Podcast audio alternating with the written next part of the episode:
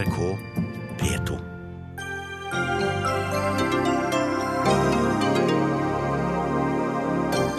Omstridt amerikansk imam holdt foredrag i Oslo for flere hundre norske muslimske ungdommer. Vi visste ikke at han hadde vært i politiets eh, søkelys og tidligere snakket rosende om en terrordømt, forsikrer Islamnetts leder. Supermandag i Kommune-Norge i dag. 23 kommuner har folkeavstemning om sammenslåing. Det kan bli en kamp mellom fornuft og følelser. Sverige kan få ny lov mot seksuelle overgrep. Har offeret sagt nei, er overgrepet et faktum. Nå håper Amnesty at Norge følger etter, men regjeringa er skeptisk. Og Dyreparken i Kristiansand serverte sebra uten hode som mat til tigrene, mens små barn sto og så på. De kunne like gjerne lagt et blodig kadaver midt i en barnehage, kritiserer psykolog.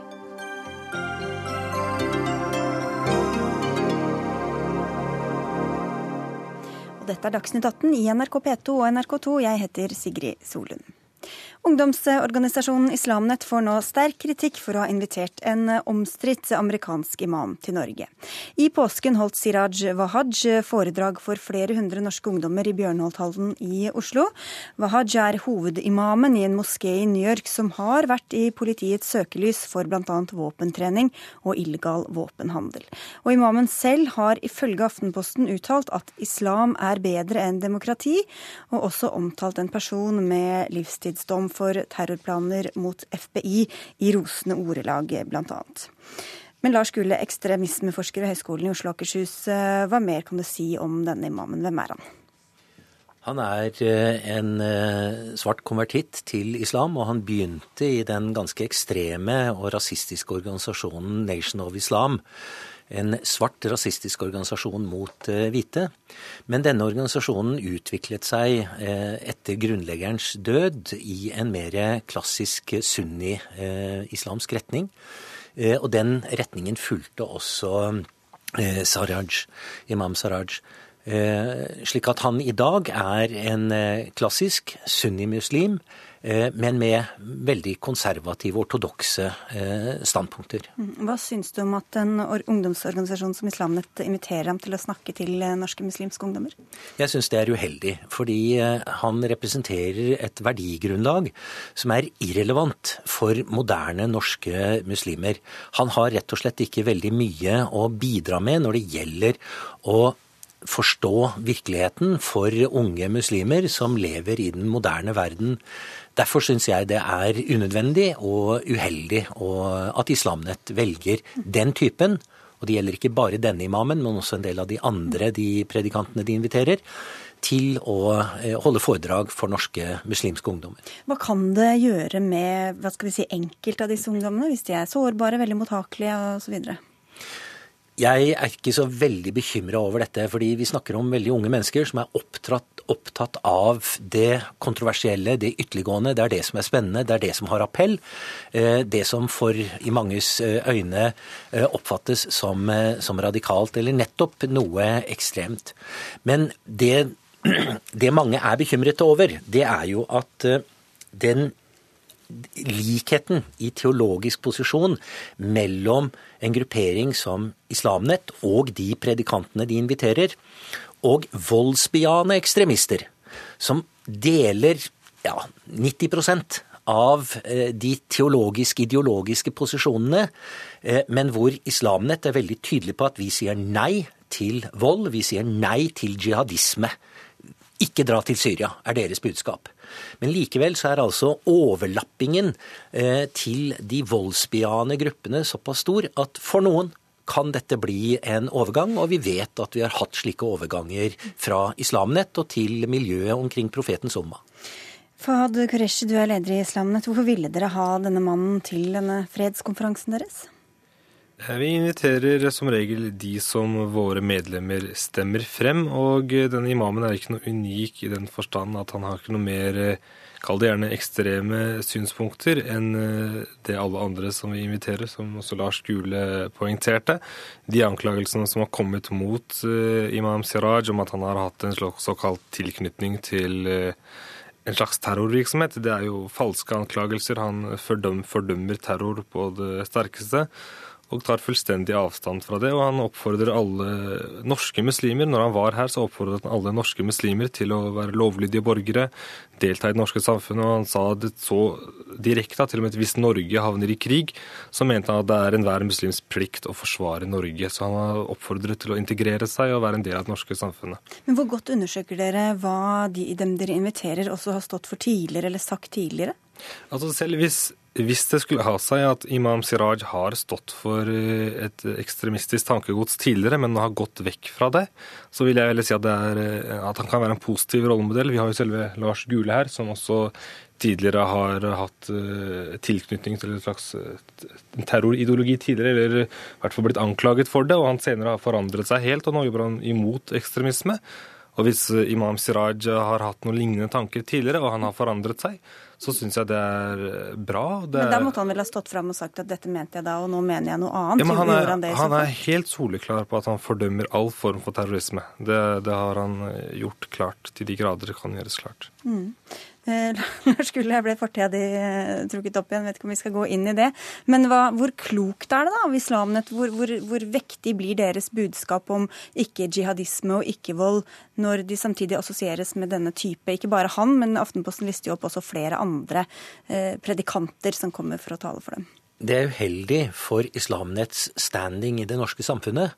Men det behøver ikke å være uheldig for Islamnetts standing i det miljøet de søker eh, å nå fram, som de har sitt budskap eh, rettet mot, nemlig unge norske muslimer. Eh, det uheldige da blir nettopp at det budskapet som disse ungdommene oppfatter som et annet enn det storsamfunnet oppfatter, at dette bidrar til en uheldig polarisering. Mm, dere kan oppnå det stikk motsatte egentlig av det dere ønsker, da? Altså, Jeg vil si at uh, det er ikke opp til uh, Lars Gule eller andre i det norske samfunnet å skulle definere uh, hva som skal til for å være en akseptert muslim, eller være en muslim som da er integrert eller har de verdiene som skal til for å være norsk. Jeg vil si at det er oss selv muslimer som må få lov til å definere hvem vi er, hva vi står for. Og da inviterer vi også foredragsholdere som står for vanlig, klassisk, eh, tradisjonell islamsk mm. sunni-ortodoks lære. Eh, og det å kreve at vi må tilrettelegge oss eller forandre på vår eh, religion for at vi skal være vi skal være akseptert, det syns jeg blir å, å, gå for langt det som bidrar til polar, eh, den polariseringen, at du oppnår de der parallellsamfunnene, er nettopp det. At man er ikke villig til å inkludere andre, selv om de har visse andre verdier. Men når man til tross vil være en del av fellesskapet, så blir man allikevel ekskludert og dyttet ut, med mindre man assimilerer seg. Mm. Jeg mener det er problemet. Det er det som fører til at vi får disse parallellsamfunnene. Men du nevner selv deres foredragsholdere, hvorav, i hvert fall ifølge Aftenposten her, en har omtalt jøder som etterkommere av aper og griser. Han sier at kvinner ikke bør jobbe. En annen har forsvart steining av utro, at hiv er en straff fra Allah for homofili.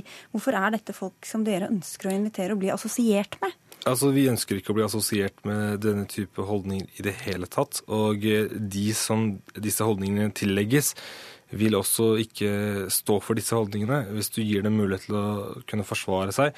Hvis de i det hele tatt har sagt det, så vil jeg med 99% sikkerhet si at de vil kunne si at dette er tatt helt ut av kontekst, og det har ikke vært ment slik det blir fremstilt. Men er det da ting dere spør dem om, og spør om de tar avstand fra det? Sjekker Klar. dere hva jo, de har sagt? Jo, jo, vi gjør det. Vi gjør det. Jeg, eh, mener jo at uh, det Islamnett gjør, er innenfor loven.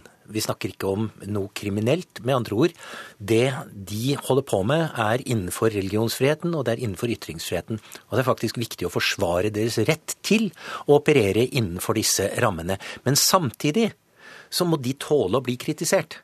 Eh, og når Fad Qureshi sier at, eh, at eh, storsamfunnet kan ikke kreve, kan ikke forlange, jo, vi kan det. Vi forlanger av hverandre, fordi Islamnett krever jo nettopp å bli akseptert og respektert osv. Og, så og da sier vi vel, ja, dere har lov, men vi aksepterer ikke det og det og det. Dette er en del av en kontinuerlig politisk og verdimessig debatt i, i samfunnet. Så det må dere tåle. At dere blir karakterisert som umoderne, reaksjonære, ekstreme når det gjelder diskriminerende holdninger overfor kvinner, homofile osv. Og, og det bildet av dere som ekstreme blir kanskje ikke noe bedre av at disse menneskene, eller hva de i hvert fall har sagt, kommer opp i forbindelse med deres fredskonferanse? Lars, eh, du igjen sier altså 'vi' og 'dere'. Du setter deg selv i en bås hvor du er en del av det norske samfunnet, mens vi Islamnet eller muslimer er en slags sekundær, ekstern gruppe som må tilpasse seg. Jeg sier vi er en del av det samfunnet. Jeg vil gjerne være med å definere hvem vi er. Hvorfor skal ikke jeg få lov til å være med og være en del av de som bestemmer vi, og bestemmer verdiene til fellesskapet? Nei. Ofte så blir det presentert slik dette her er verdiene, disse ting har vi blitt enige om. Dere står her utenfor, og dere må tilpasse dere. Nei, jeg sier jeg er født og oppvokst i Norge, jeg har gått på skole i Norge hele mitt liv. Jeg er mer norsk enn det jeg noensinne har vært pakistaner.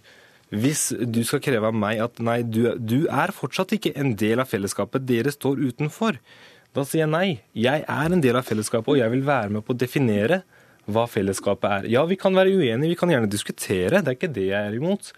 Men hvis vi blir ekskludert på den måten at vi blir sett på som vi er ikke engang en del av fellesskapet, vi er ikke engang en legitim mening å ha. Men da, det, det er det jeg sier er feil. Men da må jeg bare spørre deg i forbindelse med det. fordi dere, Her er det jo Aftenposten som har avslørt hvem som har vært der. Gjestelista var hemmelig. Hvorfor gjør dere ikke ting mer i det åpne, så alle kan komme og, og eh, se hvem ja, dere inviterer osv., hvis dere vil være en del av samfunnet? Nå har vi, nå har vi hatt uh, denne konferansen her siden 2010.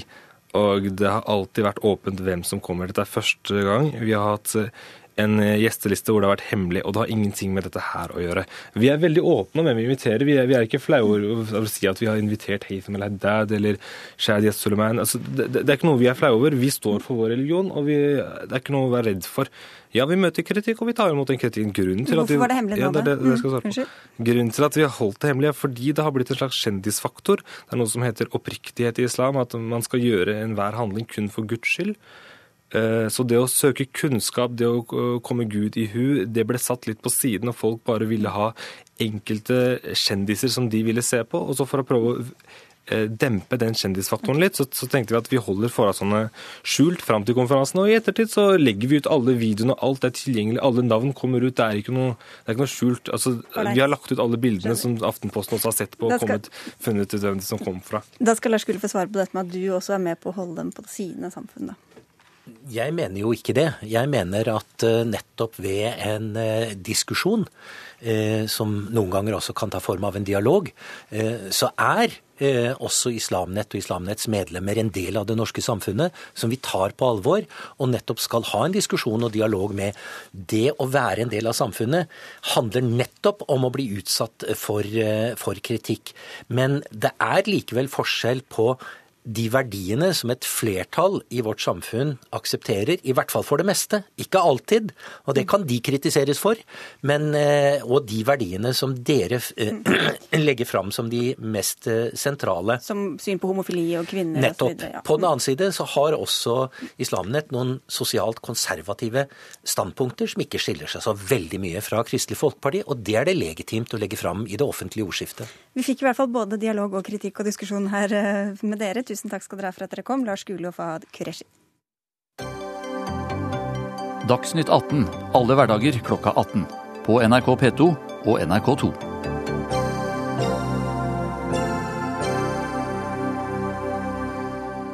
Nå til noe ganske annet, må det vel være lov å si. For i dag gikk, eh, eller går innbyggerne i 23 av landets kommuner til urnene for å si ja eller nei til å slå seg sammen med en eller flere av nabokommunene. Og kanskje trumfer innbyggernes identitetsfølelse de økonomiske argumentene for sammenslåing flere steder. Millie Bente Nørseth, du er ordfører for Arbeiderpartiet i Tingvoll kommune i Møre og Romsdal. I dag stemmer dere om, eh, om hvorvidt dere vil slå dere sammen med fem omkringliggende kommuner, bl.a. Kristiansund. Dere har ikke fått inn resultatene ennå, men har du noen følelse med hvilken vei det går? Ja, helt klart. Eh, vi har jo snakka tidligere sammen i dag. Og det er med identitet og kultur mm. det tror jeg står veldig sterkt i en mindre kommune. da. Eh, mindre kommuner. Eh, Tingvoll er en liten eh, si da, landekommune hvor landbruket står sterkt. Og i mitt hode så arver du ofte kulturen, da. Så spent på resultatet, og vi får se. Mm. Vi har sagt at vi skal holde resultatet hemmelig til klokken 20.00. Og da vil alle være ferdig i de, i de seks kommunene. Ja, men du vet noe du ikke vil si, kanskje? da, eller? Nei, det vet jeg ikke. Men det ser altså Nei, det kan gå mot nei. Det er bl.a. fordi identiteten er så sterk, hvis jeg skal uh, ja. tolke deg riktig. Reidar ja. Almås, du er professor og eh, forsker hos eh, Bygdeforskning. Og du har forsket på nettopp dette, hvordan identitet slår inn i prosessen rundt kommunesammenslåing. Hvor viktig er dette med identitetsfølelsen når folk rundt om i landet skal stemme ja eller nei? Identitet er jo som en lauk. Inni begynner jo familien, og så er det stedet du er fra, lokalsamfunnet, kommer kommunen utom der, og landsdelen, nasjonen. Og for folk som bor i mindre kommuner og i distrikter, så er nok eh, kommunen viktigere enn for eksempel i en større by. Mm. Og det blir jo gjerne litt nedsettende sagt at uh, Eh, til hensyn til følelser. Noen eh, stemmer på en sånn dag som i dag, men det her er jo en viktig følelse, følelse av tilhørighet. Og det er jo eh, det vi snakker om når vi jobber for å integrere nye landsmenn.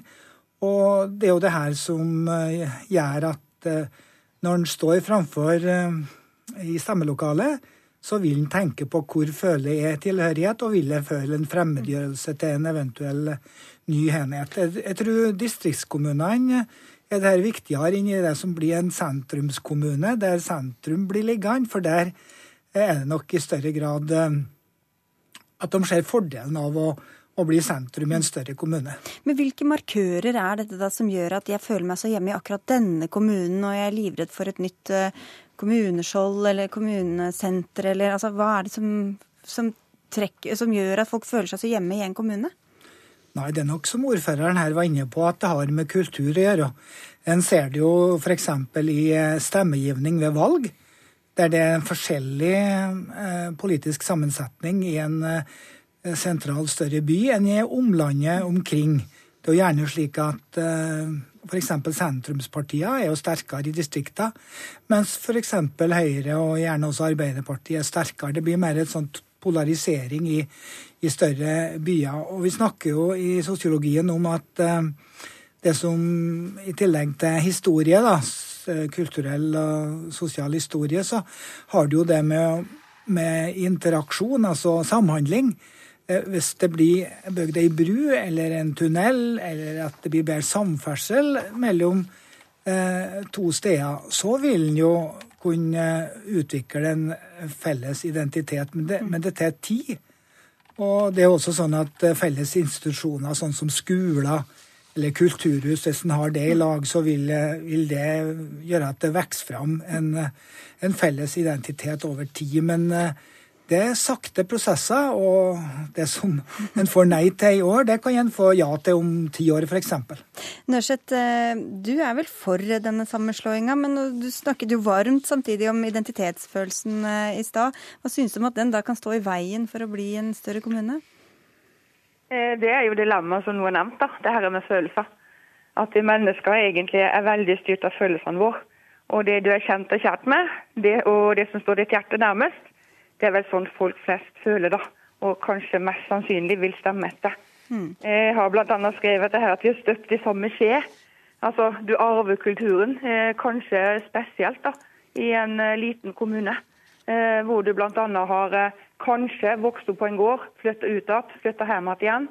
Et lite bygdesamfunn, veldig flink til å ta imot nye innbyggere. Ta dem med i alle nettverk i sitt lille samfunn. Så du får en sterk identitetsfølelse ganske raskt, og du arver kulturen. Mm. Så det følelser her, det er helt sikkert ikke fakta som er kanskje det avgjørende da, for du, folkets valg. Ja. Du er jo ordfører, og Almås, du har sagt at kommunesammenslåingene ofte kan være et eliteprosjekt? Ja. Jeg ser jo det at rådmenn og ordførere er mer positive til kommunesammenslåing enn folk flest. De som har eh, født og oppvokst i en kommune, de er mer for å holde på egen kommune enn eh, innflyttere. Og yngre er kanskje i mindre grad eh, opptatt av å holde på egen kommune enn de som er godt eh, voksne. Mm. Og så Vi har jo sagt det, det i rapportene våre at en skal være forsiktig med å snakke ned interkommunalt samarbeid. For jeg tror at det kan være den brua som uh, kommune, felles kommunal identitet vokser fram uh, på over tid. Det, det, er jo gjerne sånn som Willy Brandt sa om Øst- og Vest-Tyskland i sin tid, at det som hører sammen, vokser sammen. Og, det kan jo være hvis man har samarbeid over lang tid på mange områder så vil jo befolkninga komme etter det som eh, eliten kanskje har sett først, da.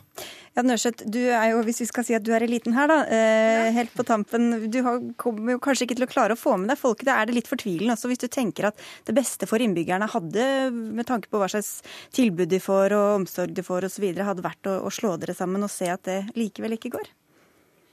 Ja, nei, Jeg ser jo absolutt den. Eh, jeg ønsker jo sterkt at vi skulle fått et 6K-kommune, altså en større kommune, i forhold til å tenke 50 år frem i tid. Eh, men om slaget kanskje er tapt nå, så det med at de kommer igjen, for å si det sånn. da. Det gjør det sikkert. Ferdig med dette. og det er fortsatt en time og 40 minutter igjen til du ja, offentliggjør dette. Ja. Mm. Takk skal dere ha, i hvert fall begge to. Milly Bente Nørseth fra Tingvoll og Reidar Almås eh, fra Bygdeforskning. Over til deg, Lars Nehru Sand, politisk kommentator i NRK. Hvor viktig er denne dagen for regjeringa, og ikke minst for kommunal- og moderniseringsminister Sanner?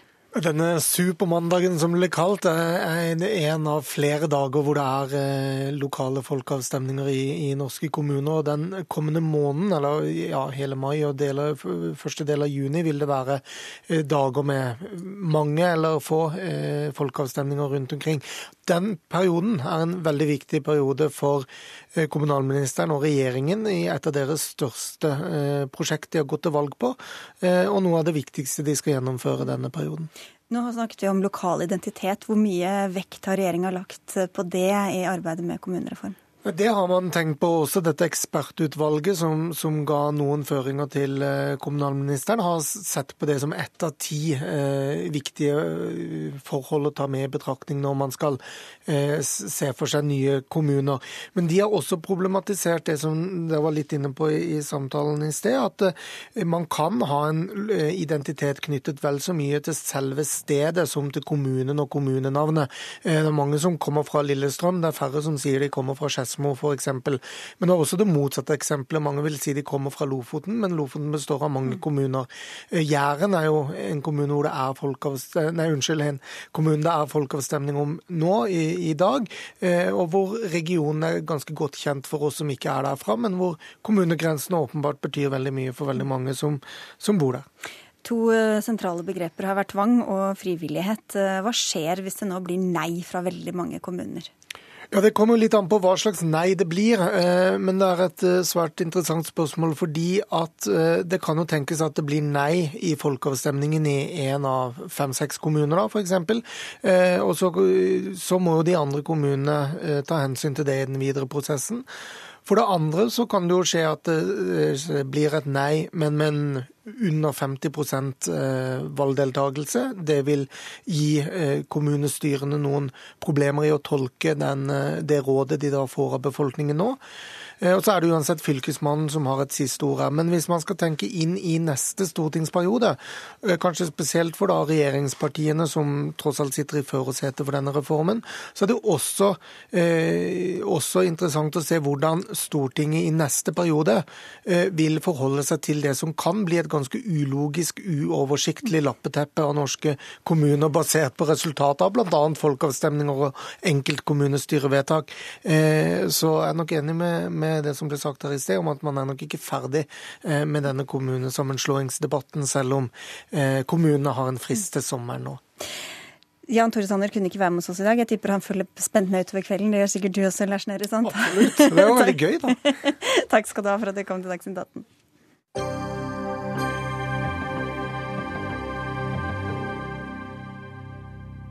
Sverige kan få en ny lov mot seksuelle overgrep. En komité satt ned av regjeringa har sett på muligheten for å innføre en svensk samtykkelov. Loven innebærer at hvis du har sagt nei til sex og det ikke respekteres, kan det være et lovbrudd. Det fortalte Sveriges Radio forrige uke. En slik lov har vært vurdert i Norge også, men fremdeles er voldtekt i norsk lov definert som seksuell omgang ved bruk av vold eller truende atferd, og altså ikke ved manglende samtykke. Tidligere har riksdagspartiene i Sverige vært uenige om en sånn lov, men nå virker de fleste partiene som er representert i komiteen og har blitt enige. Men vi får se hvordan det går. Patricia Caté, du er politisk rådgiver i Amnesty International og ekspert på seksuelle rettigheter, og dere har jobbet lenge med å få en tilsvarende lov i eh, Norge også. Hvorfor er det så viktig? Det er viktig fordi det er slik at straffeloven burde fastslå at ethvert menneske har rett til å bestemme selv over sin egen kropp og sin egen seksualitet, og tydeliggjøre den normen.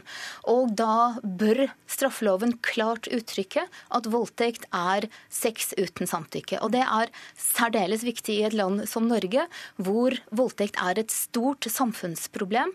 Vi har forskning som viser at hver tiende kvinne, eller nesten hver tiende kvinne i Norge, rapporterer at hun har vært utsatt for voldtekt minst én gang i livet. Halvparten av dem før de fylte fylte 18 år.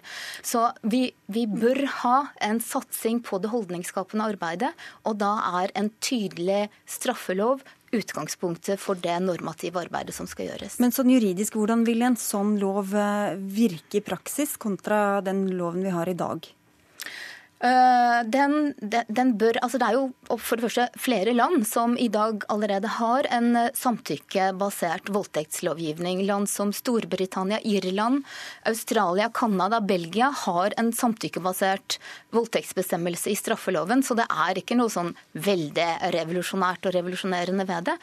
Og eh, det det vil bety, det er at en istedenfor å øh, forsøke å sannsynliggjøre bruk av vold eller truende atferd, så er det mangel på samtykke som er det viktige, som er i fokus under uh, en rettsforhandling. Vi kan jo komme tilbake til potensielle farer ved det også. Statssekretær i Justisdepartementet Ove Vanebo, er det aktuelt å endre loven her? Altså jeg, jeg, tror at vi skal være åpne for alle typer forslag. og Jeg syns det er veldig eh, prisverdig at Amnesty tar den debatten og, og, prøver å lage et veldig effektivt og godt vern. Eh, samtidig så er nok eh, vi i Justisdepartementet noe skeptisk til eh, eh, den type lovgivning, eller den utformingen. da. Og Det skyldes flere ting. For det første så er det jo sånn at et av de store problemene med voldtektssaker er bevissituasjonen. Og det er vanskelig å tenke seg at det vil endre ved at man gjør om voldtektsdefinisjonen, sånn sett, fordi det fremdeles vil bli spørsmål om hva som egentlig skjedde. Og så ser man jo selvfølgelig også en del eh, prinsipielle motforestillinger overfor det man tar opp i Sverige. Eh, hvis det f.eks. skal være spørsmål om eh, offeret har sagt nei, så kan jo det føre til at det blir veldig mye fokus på hva offeret gjorde. Om offeret da handla tilstrekkelig og, og ga tydelig beskjed. Så... Men La Katé få svare på det. Altså det, det, det, har vært en del av den svenske debatten også, at man overfører fokus fra voldtektsmannen eller potensielle voldtektsmannen til offeret. Hva gjorde du? Sa at du klart nok nei? osv. Man kan jo se for seg mange situasjoner hvor det kanskje ikke er helt klart å si ja eller nei på akkurat det svaret, eller på det spørsmålet? Nei, og det er jo ikke til å komme bort fra at bevissituasjonen i mange voldtektssaker som anmeldes til politiet, er svært vanskelig. Og det vil ikke en endring av straffeloven sånn, endre på. Men kan dere påføre enda mer skyld? Men, jeg sa kanskje ikke klart nok nei, jeg bare liksom var litt altså vi, vi tror ikke det. Vi tror at, eh, at uh, i dag så er det er slik at åtte av ti voldtektsanmeldelser henlegges av politiet. Kripos har i en, eh, en, av sine voldtektsrapporter sagt at det er veldig mange av disse voldtektsanmeldelsene som kommer til politiet som ligger i gråsonen, og, og, der man ikke kan bevise tydelig bruk av vold eller truende atferd, men der det kanskje var en som tydelig sa nei, eller der det var en person som på andre måter tydelig uttrykte en mangel på samtykke. Slike saker kan i dag ikke i rette iretteføres. Så vi mener tvert om at når vi setter mangel på samtykke i fokus, så fastslår retten at alle mennesker har eh, krav på å bli respektert. Og dette er noe som eh, FNs kvinnekomité også har kritisert Norge for tidligere, senest i 2012 var det vel. At hvorfor må vi da ha vold eller trusler som en del av, av voldtektsbestemmelsen? At, at, det må ha vært til stede? Vanvo? Um, altså, bare for å ta, ta, det jeg tenker er viktigst her, så er det at uh, altså, vi må sette av mer penger til etterforskning og, og den biten. Det, det, tror jeg nok er det beste vi kan gjøre for å ta tak i den type saker. Men så tror jeg også at det er grunn til å vise seg til at vi har uh, et ganske effektivt vern allerede i dag. Uh, blant annet så er det ikke krav om at man aktivt må ta til motverge hvis man da utsettes for, for truende eller, eller voldelig atferd. Men kan du også, se for deg en voldtekt som skjer uten trusler eller vold? Eh, da har vi jo denne bestemmelsen om eh, uaktsom voldtekt, eller grovt uaktsom voldtekt, som innebærer at man, eh, hvis det er sånn at en, en gjerningsmann måtte skjønne at det her er det ikke frivillig fra offerets side, så kan man da straffes allerede i dag. Så jeg tror nok at en del av de situasjonene allerede vil fanges opp. Og så har man også allerede i dag en bestemmelse som går på at man utfører seksuelle handlinger uten å ha fått samtykke som da allerede igjen er, er straffebelagt. Så igjen, jeg tror nok at uh, vi må se om det kanskje er noen huller i dag, men stort sett så er nok uh, denne retten til å bestemme over egen kropp veldig godt verna med dagens straffelovgivning. Altså Det er godt verna i forarbeidet. Det som er synd, det er at loven ikke i seg selv sier at sex uten samtykke er en voldtekt. Det er viktig i det holdningsskapende og forebyggende arbeidet. Det er det som kan kommuniseres til ungdom. Signaleffekten er kjempeviktig, men i dag har vi også voldtektsanmeldelser der eh, en eh, person har sagt et tydelig nei. De blir, de blir henlagt eller ender med frifinnelse fordi at det i dag ikke er klart eh, straffbart. Uh, og og så er det det at seksuell handling uten samtykke er eh, kriminalisert. Eh, en seksuell handling er en mindre et mindre alvorlig seksuelt overgrep. Det er jo veldig rart at man der ser at det er mulig å eh, ha mangel på samtykke som det definerende elementet, mm. mens det for de alvorlige overgrepene ikke er mulig. Så det er en inkonsistens i loven, og det er en inkonsistens mellom det som uttrykkes i forarbeider, og det som egentlig loven sier. Ja, men, men så, igjen så, så, tror jeg at det er grunn til å huske også de mer prinsipielle, vanskelige spørsmålene. Fordi det, det du sa i stad, var at uh, du la mer fokus på at man sannsynliggjør at det var et samtykke.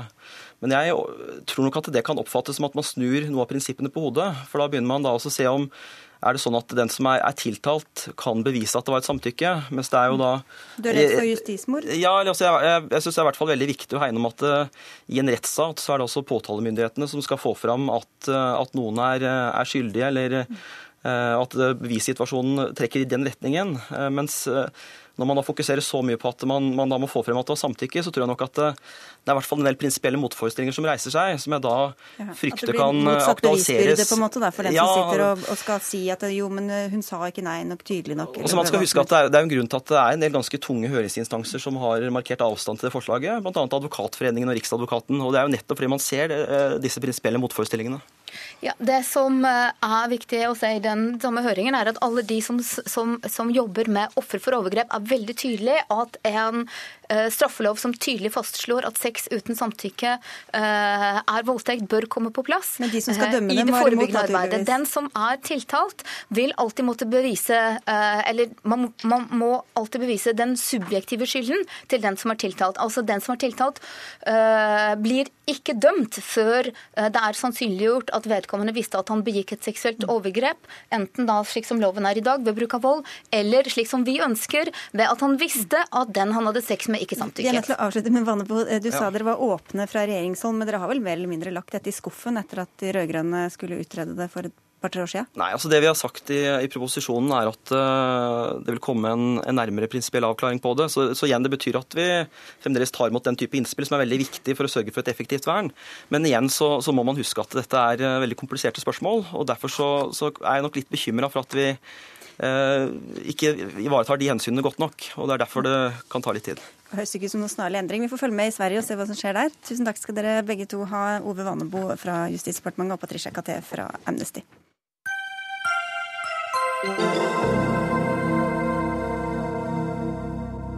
Så til den nokså skjøre politiske situasjonen i verdens yngste land, Sør-Sudan. En krangel mellom president Kiir og visepresident Mashar setter fredsavtalen fra august i fare. De to er uenige om hvor mye våpen og hvor mange soldater erkefiendene hver seg skal disponere i hovedstaden. Visepresident Mashar har sagt at han ikke kommer til Juba, altså hovedstaden, før det er en avtale om dette. Men i dag har det skjedd noe der eh, i Juba, der du er akkurat nå, Sverre Tom Radøy, NRKs Afrikakorrespondent. Betyr det at visepresidenten kommer til Juba med det første? Altså, det vet vi ikke helt, men det som har skjedd i dag, var at uh, generalen, den, den, øverste generalen, Simon Gatwick-Dua fra opposisjonen, han kom tilbake til Juba i dag. Og Vi var på flyplassen på International Airport, og han kom ikke alene. Om bord hadde han på det chartrede flyet fra en by rett innenfor grensen til Etiopia med seg over 100 soldater fra opposisjonen. Et stort antall våpen. Et oppbud eh, av militære var møtt fram for å både sikre flyplassen og for å hilse da disse 100 elitesoldatene og toppgeneralen som de har slåss mot i to og et halvt år. Sammen har de jo drept titusener av mennesker og drevet to millioner på flukt. Og i den grad man kan si at slike, når slike mennesker klapper hverandre på skuldrene som, eh, som fiender og prøver å være venner, er rørende, ja, så var det et par nesten rørende øyeblikk. Hvorfor har det tatt så lang tid? Hvorfor er eh, visepresidenten ennå ikke kommet til Juba? Det er jo et, et stort og komplisert spørsmål. Men, men, kortversjonen akkurat i det siste er at uh, han må komme. Hvis ikke så, så går fredsavtalen virkelig av skinnene. Uh, han har ikke kommet fordi han ville ha med seg eh, flere våpen, eh, andre typer våpen, flere personer med seg i flyene som er chartret eh, til hans disposisjon. Og man ville iverksette en del av, av, sikkerhetsordningene tidligere enn som er avtalt foran. Det er også ganske tekniske ting som ligger til grunn for at han ikke kom, ikke kom, ikke kom, ikke kom. Og så i mellomtiden lider og drepes folk, og, og folk sulter i hjel i dette landet. Og så eh, til slutt her, Sverre Tom, Hvordan er eh, forventningene da i Sør-Sudan akkurat nå? Ja, Det er det som kanskje er et problem for, eh, for Sør-Sudan akkurat nå. For uh, forventningene er skyhøye. Det er nå ventet at han kommer, og la oss si at han kommer i morgen. Så er forventningene skyhøye om at da skal alt ordne seg. Og det er vel folk i nærheten av der eh, du sitter eh, i, i studio som, som, vet at slik er det bare ikke. Takk skal du ha, Sverre Tom Rade. Hilde Frafjord Jonsson, du er tidligere spesialrepresentant for FN i Sør-Sudan. Jobbet der mellom 2011 og 2014. Og en kronikk du har skrevet i Morgenbladet om eh, dette landet, har du kalt 'Tilbake til start'. Det hørtes jo ikke så positivt ut? Nei, og egentlig er det enda verre, fordi eh, det er tilbake til start for Riek Mashar, som var visepresident og kommer tilbake som første visepresident etter alt å dømme denne uken, kanskje allerede i morgen. Men det er eh, revers i forhold til landet og der det sto ved uavhengigheten i 2011, fordi økonomien er eh, bunnskrapt og den humanitære krisen så stor at den aldri har sett noe tilsvarende i dette området. Eh, og det er eh, tilbake eh, til full revers. Enda verre når det gjelder etniske motsetninger enn det var før. Så det er jo en bare Det er nesten ikke mulig å finne ord som dekker tragedien. Og det er klart at denne denne returen til Riek Mashar eh, lot vente på seg så lenge av to viktige grunner. Det ene er at det er en grunnleggende mistillit som finnes mellom de to partene, og de ble nesten tvunget til å skrive under på en avtale de tror jeg brukte kamelen svelte mothårs. Ehm, men det andre, selvfølgelig, det er jo at eh, i mellomtiden har det også vært gjort ting som har undergravd den avtalen som er undertegnet, som gjorde at Riek Mashar ikke ville komme tilbake. Nå eh, har de satt seg selv foran folket sitt i altfor lang tid, og nå er det på tide at de, eh, at de innfinner seg og rydder opp etter seg. Mm. Men det kommer til å bli veldig vanskelig. Du har kjent begge to siden 1998. Ja. Hva bunner denne konflikten i? Hvorfor er det så steile motsetninger der? Det er en, både en politisk og en personlig motsetning. Ehm, det er, jeg har jo kjent dem eh, i 18 år, og veldig godt også, faktisk. Ehm, men det er klart at eh, den viktigste grunnen er maktkamp mellom de to. Eh, selv om det er visse motsetninger på den politiske siden, er det primært dette at begge kjemper om å få være president i dette landet. En er det, en annen vil bli det. Eh, og dette burde vært håndtert på en helt annen måte i SPLM i partiet. Eh, og ikke Man lekte med ilden, rett og slett. Og så brøt det ut kamper som ingen av dem stoppet og klarte å stoppe. Og så tok det rett og slett overhånd. og man mistet totalt kontrollen. Så har de ikke vært nok på vilje til å ta kontroll. Eh, og de har fortsatt med disse, eh, denne borgerkrigen. Så det er en, eh, en, situasjon nå som gjør at de starter på mer enn bar bakke. Mm. Men hvordan er, da hvordan er situasjonen for den etniske motsetningen i befolkninga? Hvordan har de det? Hvordan kommer det til syne nå? Det er større motsetninger enn det noen gang har vært. Ikke minst mellom nuer og dinka, som er de to største folkegruppene. Men det er også slik at det har blusset opp lokale etniske konflikter over hele landet. For når først eh, det sosiale nettverket, på en måte, altså det man kan, eh, det man kan kalle for det, det, det veldig skjøre nettverket som, som, binder samfunnet sammen, når det begynner å rakne sånn som det har gjort i Sør-Sudan, så rakner alt annet også. Eh, sånn at det er veldig mange etniske motsetninger som har blusset opp. Eh, sår fra tiår tilbake som nå slår ut i full blomst. Så det å reversere dette nå og skape en ny tillit mellom de etniske gruppene, det vil kreve en enorm innsats. Og det er jo et spørsmål om disse to vil klare det. Mm. Dette er jo også et land som Norge har vært eh, relativt involvert i, eh, både i konflikten og også gitt veldig mye, mange mange millioner i bistand opp gjennom eh, årene. Nå satser vi altså på en fredsavtale mellom disse to fiendene som du beskriver, som har vært i krig med hverandre i flere år. Er det virkelig det beste kortet, eller hvordan skal, hvordan skal dette kunne gå bra? Jeg tror dette var den eneste måten å få til en avtale på, for ingen ønsker å forhandle seg selv ut, dessverre. Eh, og det gjør at man har et veldig dårlig utgangspunkt for å rydde opp i eh, problemene. Eh, den bistanden som har vært gitt, er det veldig viktig å understreke har ikke gått inn i statskassen på noen som helst måte. Dette har vært penger som har vært kanalisert gjennom andre fordi man ikke kunne stole på eh, styresettet og forvaltningen av pengene i Sør-Sudan. Det som er problemet nå, er at man også har en totalt skakkjørt økonomi pga. krigen. Og det betyr at man har mye mindre å spille med som kunne vært brukt til å smøre hjulene, til å gi folk tjenester til å få hjulene i gang og til å betale soldatenes lønninger. Så her er det en enorm utfordring.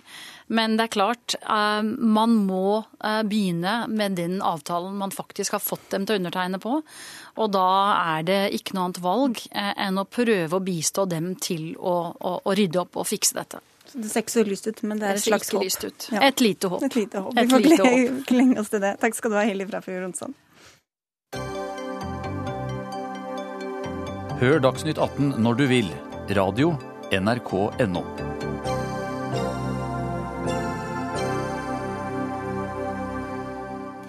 Oslo kommune får ikke lov til å starte et prøveprosjekt med heroinassistert behandling for de tyngste rusbrukerne. Hovedstaden ville gi heroin for å bedre livs, livskvaliteten til de sykeste ruspasientene, og søkte Helsedepartementet om å få lov.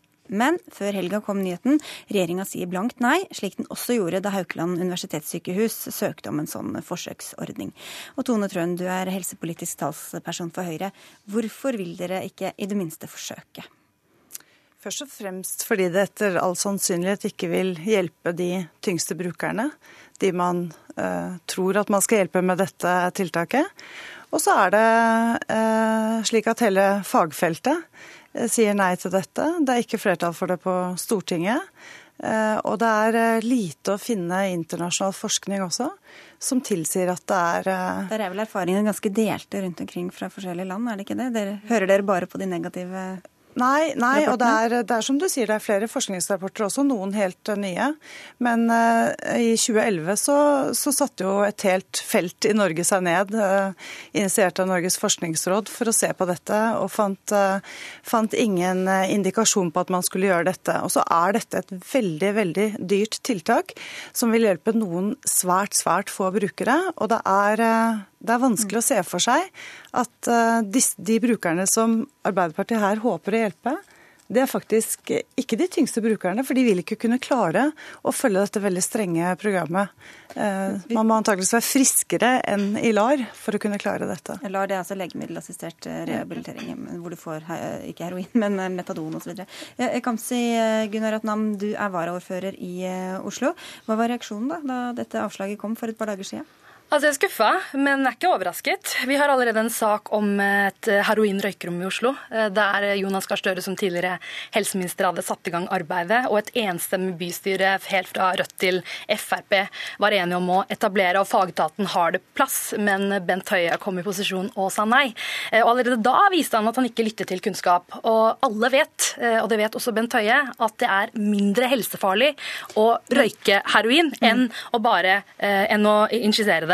Eh, så det at de sier nei til heroininjisering og det som en del av behandling i eh, Norge i dag, i et forsøk, det overrasker meg egentlig ikke. Men hvis erfaringene er såpass negative, i hvert fall mange steder som det Tone Trøen viser til, hvorfor skal man da gjøre det på nytt her i, Oslo? Erfaringene er ikke negative, erfaringene er ulike. Men det vi ser, er at jo mer de holder på, desto mer tilpassa blir det, og desto bedre blir det.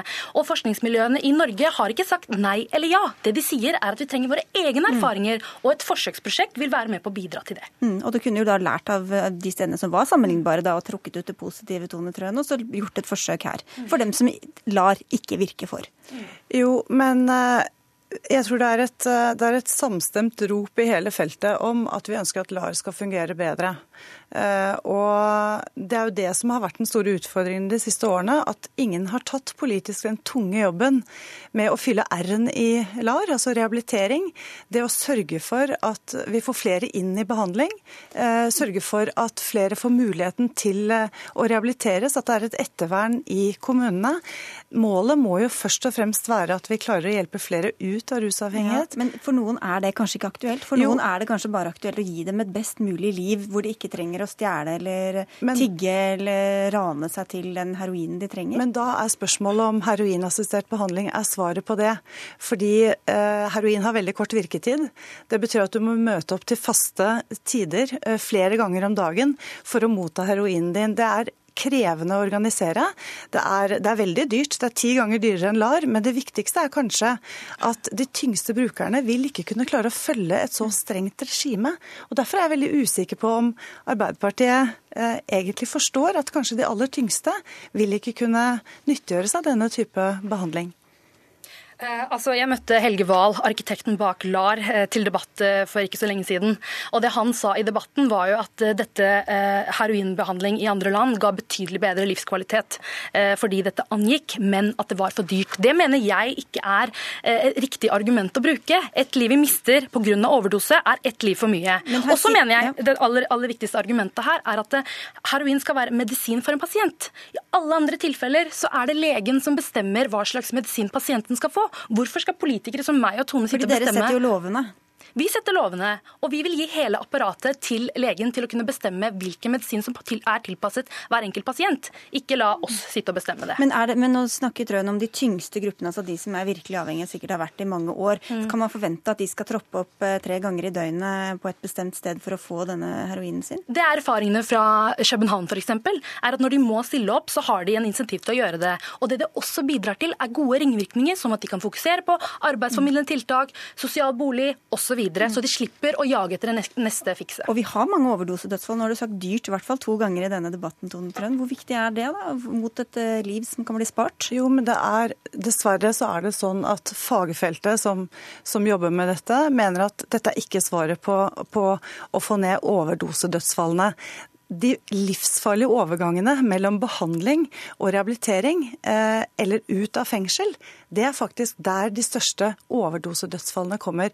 Sånn at det som er synd med dette forslaget, er jo at jeg tror ikke det kommer til å hjelpe det Arbeiderpartiet mener at de skal hjelpe, nemlig få ned overdosedødsfall eh, og hjelpe de tyngste brukerne. Dette... Det er ikke bare Arbeiderpartiet, det er også mange i Høyre som mener det, da. Ja, det, er flertall, det er ikke et flertall på Stortinget eh, for dette.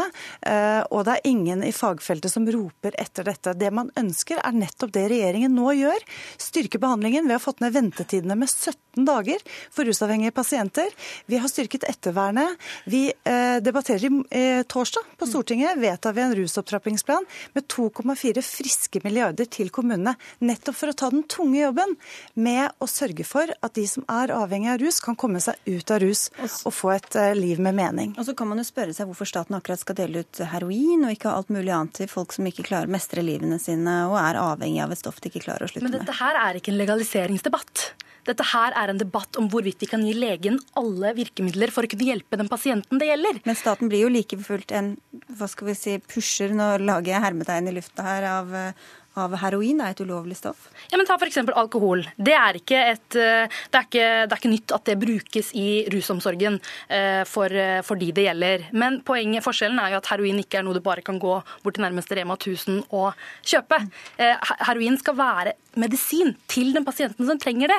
Det er gode erfaringer fra andre land, og det, det at det er for dyrt, mener jeg er litt for dårlig argument. Men det er også erfaringer fra andre land med at bivirkningene er svært alvorlige. Eh, hvis man sammenligner heroinbehandling de nyeste forskningsrapportene viser at over 60% av eh, de som, de som går på heroinassistert behandling, har mye større bivirkninger enn de som går på Hva slags bivirkninger da? Det er vel den type bivirkninger du får av, den, av, av alvorlig eh, bruk av Da får de vel det enten de kjører det sjøl, eller om de får det av staten? Nei, men, men poenget er jo at hvis man, hvis man, skal bruke forskning på dette området, så må man jo faktisk se på Det er ingen signifikant forskjell mellom heroinassistert behandling og metadon eller, eller substituttbehandling. Eh, og Forskningsfeltet i Norge har jo sagt eh, dette. Rusfeltet ønsker det ikke. Og jeg syns jo på en måte at vi er nødt til å lytte til de som virkelig mener at er det noe vi trenger, så er det en sterkere rusomsorg. Hjelpe folk ut av avhengighet. Ikke bygge ned rehabiliteringsplasser f.eks. i Oslo, slik, slik Arbeiderpartiet okay. har gjort. Vi er nødt til å avslutte litt. Jeg bare må si at Det er jo også andre stemmer i rusomsorgen som ønsker seg dette, så der er vel sikkert delte meninger der også.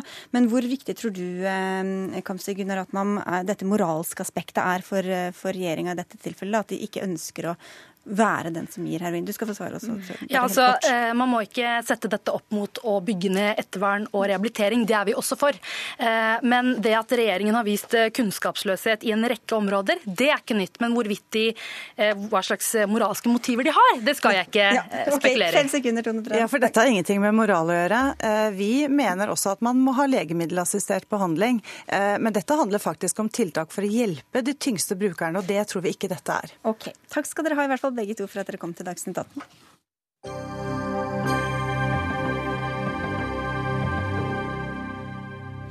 Synet av en død, blodig sebra uten hode møtte mange barnefamilier som skulle besøke tigrene i Dyreparken i Kristiansand i helga. Sebraen var servert som mat til tigrene, og mange familier reagerte veldig.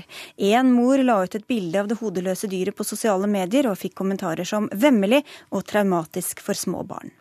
Barnepsykolog Magne Raundalen, du sier at Dyreparken like gjerne kunne lagt ut en hodeløs sebra midt i en barnehage. Hvorfor kan dette synet være så problematisk for små barn? Eh, det har sammenheng med at det er helt overraskende. De er uforberedt. Og uh, uh, selvfølgelig er jo også sebra et veldig omtykk, veldig kjært dyr for barn. Og eh, som en mor fortalte meg at sønnen hennes hadde spurt hvem er det som er revet hodet av sebraen. Mm. Ja. Og var, jeg jeg syns ikke noe om Jeg har lite sans for at man prøver å plassere grov ubetenksomhet inn i en pedagogisk ramme. Det var vel dere som hadde revet av dette hodet da, Rolf Arne Hølberg, om på en litt mer skånsom måte kanskje. Du er veterinær i Kristiansand dyrepark. Det er altså mange som har reagert på dette synet. Hvorfor mener dere at dette er et egnet syn for små barn? Eh, ja, de, de, aller fleste reaksjoner vi har fått, er positive. Eh, eh, foreldre som, som sier dette er en fin opplevelse, og at barna er interessert og, og følger med og, og, viser interesse for å se at dyrene spiser. Vi har ikke fått så mye negative reaksjoner. Du skal huske på at dette er jo en, en helt naturlig ting. Løver og tigre de spiser kjøtt. Det er veldig godt for de dyrene å få, få et helt dyr. Eh, da får de veldig mye stimulering eh, på det. Mm. Og, og, og, dette er jo Istedenfor å stykke det opp i små biter, så, så, velger vi noen ganger å gi et helt dyr for, fordi at det aktiviserer dyrene på en helt unik måte. Og, og vi, vår erfaring, vi, vi, har jo gjort dette i, i mange år. og vi, vi, prater med foreldre og vi prater med barn i parken. og vi, vi opplever at de aller, aller fleste de eh, finner interesse for dette. Det er, det er, det er naturen. Vi ønsker å lære dem om naturen. Ja, ikke sant, Raundalen, Hvorfor skal barn skånes for hvordan naturen faktisk er? Nei, det syns jeg ikke de skal skånes for i det hele tatt, og det gjør de jo heller ikke. De vet jo om og deltar i slakting rundt om i dette landet, og jeg hadde ikke hatt noe imot at barnehagen besøkte et slakteri, men da har jeg to krav, at de voksne går der først, og så at foreldrene er med på opplegget. Men dette å legge et halshugget dyr som kommer overraskende på barn, det tror jeg ikke de har godt av. Tror du ikke det, eller vet du det? Kan, det det an å si noe om det faktisk er traumatisk? Ja, Traume er jo et sterkt ord, og dette er jo ikke øverst på skalaen av uh, hva barn kan oppleve av uh, skremmende ting. Men en uh, overraskende eksponering for et halshugget dyr Man ville jo ikke lage en installasjon for barnehagene med halshugde dyr og kuer og kalver og rever og lam og høner som man hogger hodet av. Det er dette med å være forberedt idrett, og at det inngår i noe som eh, barn kan eh, takle på en naturlig måte. Det er ikke naturlig å skremme barn. Ja, Det var jo tydeligvis noen som i hvert fall fikk litt sjokk, da, Ølberg. Hvordan får barnefamilier hva som venter dem, vite hva som venter dem? Eh, ja, vi, vi, prater mye med de som er i parken. Vi, vi gjør jo dette vanligvis på presentasjoner hvor dyrepasseren aktiviserer både løver og tigre. og og, og, prater med både foreldrene og barna som er der, om hva vi gir dem. Det kan variere litt. på Noen ganger er det et helt lår, noen ganger er det altså større eller mindre stykker.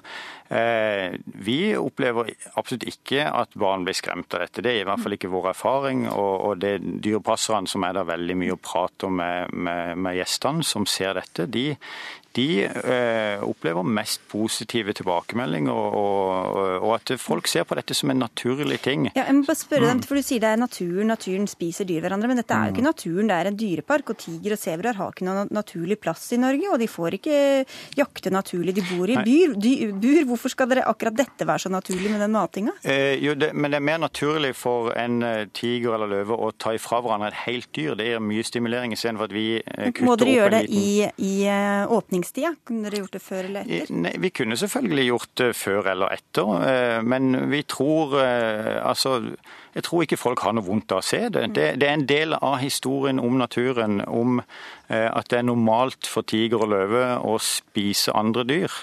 Og, og, og vi, vi, tror ikke det er noe poeng å pakke det inn eller gjemme det bort. Vi, vi ønsker ikke å lage en fantasiverden av naturen. Det, dette er jo Eh, helt naturlig i naturen, så er det det vi gjør. Vi avliver jo dyret først. Og så, sånn i dette tilfellet her, så, så, tar man hodet av dyret. For det er mest praktisk årsak, fordi når vi tar det inn på en slaktlinje, Eh, og så Noen ganger deler vi dyrene opp i mindre biter, okay. eller om det er større biter. Så, så det, det, det, er ikke noe, eh, noe sånn. Ja. Ja. Men fordi Raundalen, barn kan jo like gjerne komme over en halvspist kråke eller en katt som spiser en mus helt uforvarende også ute i det virkelige liv. Hvorfor er det mye verre å se dette i dyreparken enn ellers? Ja, jeg kaller det sebrastunt. Eh, sebraen har jo veldig plass i barns forestillinger som en veldig snill hest, og så ligger den der uten hode. Altså, Jeg har ikke noe imot at eh, barn ser mating, og jeg vet jo at de elsker det. Hvordan de mater i akvariet, og hvordan de mater uh, i dyreparken. og De fisker, og de tar eh, fisk av kroken og spretter den opp osv. De fisker til og med sammen med kongen. Jeg har jo ingenting imot dette, men det jeg tenker på, det er det uforberedte. Mm. At det, det uforberedte, skremmende synet som skal være så veldig eh, terapeutisk, det tror jeg ikke noe på. Jeg tror, de, jeg tror, ikke det er godt for noen. For noen barn er det slett ikke godt hvis dette blir praksis. så. Men alt hjelper. Vi er jo vant til å være med barn i veldig kritiske situasjoner og forbereder de på det aller verste, men da forbereder vi de. Mm. Det er det eneste ordet som er sentralt for meg. Kanskje hatt et lite skilt da ved inngangen ja. Ølberg om at her kan det vente hodeløse sebraer uh, innenfor? Ja, kan, vi kan godt uh, gjøre det. det, ja, det men, men, men, men vår, erfar altså uh, vår, erfaring når vi, de vi prater med, er jo, at, er jo, at, de absolutt ikke blir skremt av dette. Ja, Men nå har du jo fått noen nye erfaringer, da. vil jeg tro. Da fikk alle foreldre også en potensiell advarsel her, da, hvis de hadde tenkt seg til Dyreparken i Kristiansand eh, i sommer. Vi får si tusen takk til dere begge for at dere var med fra både Kristiansand og fra Bergen. Magne Raundalen, barnepsykolog, og Rolf Arne Ølberg, som altså er veterinær i Kristiansand dyrepark. Dagsnytt 18 er ved veis ende. Vi er tilbake i morgen samme tid og samme sted.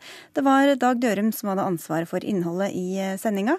Den tekniske ansvarlige var Lisbeth Sellreite. Jeg heter Sigrid Elise. Elise Solum, og vi ønsker en eh, god kveld videre og på gjenhør i morgen.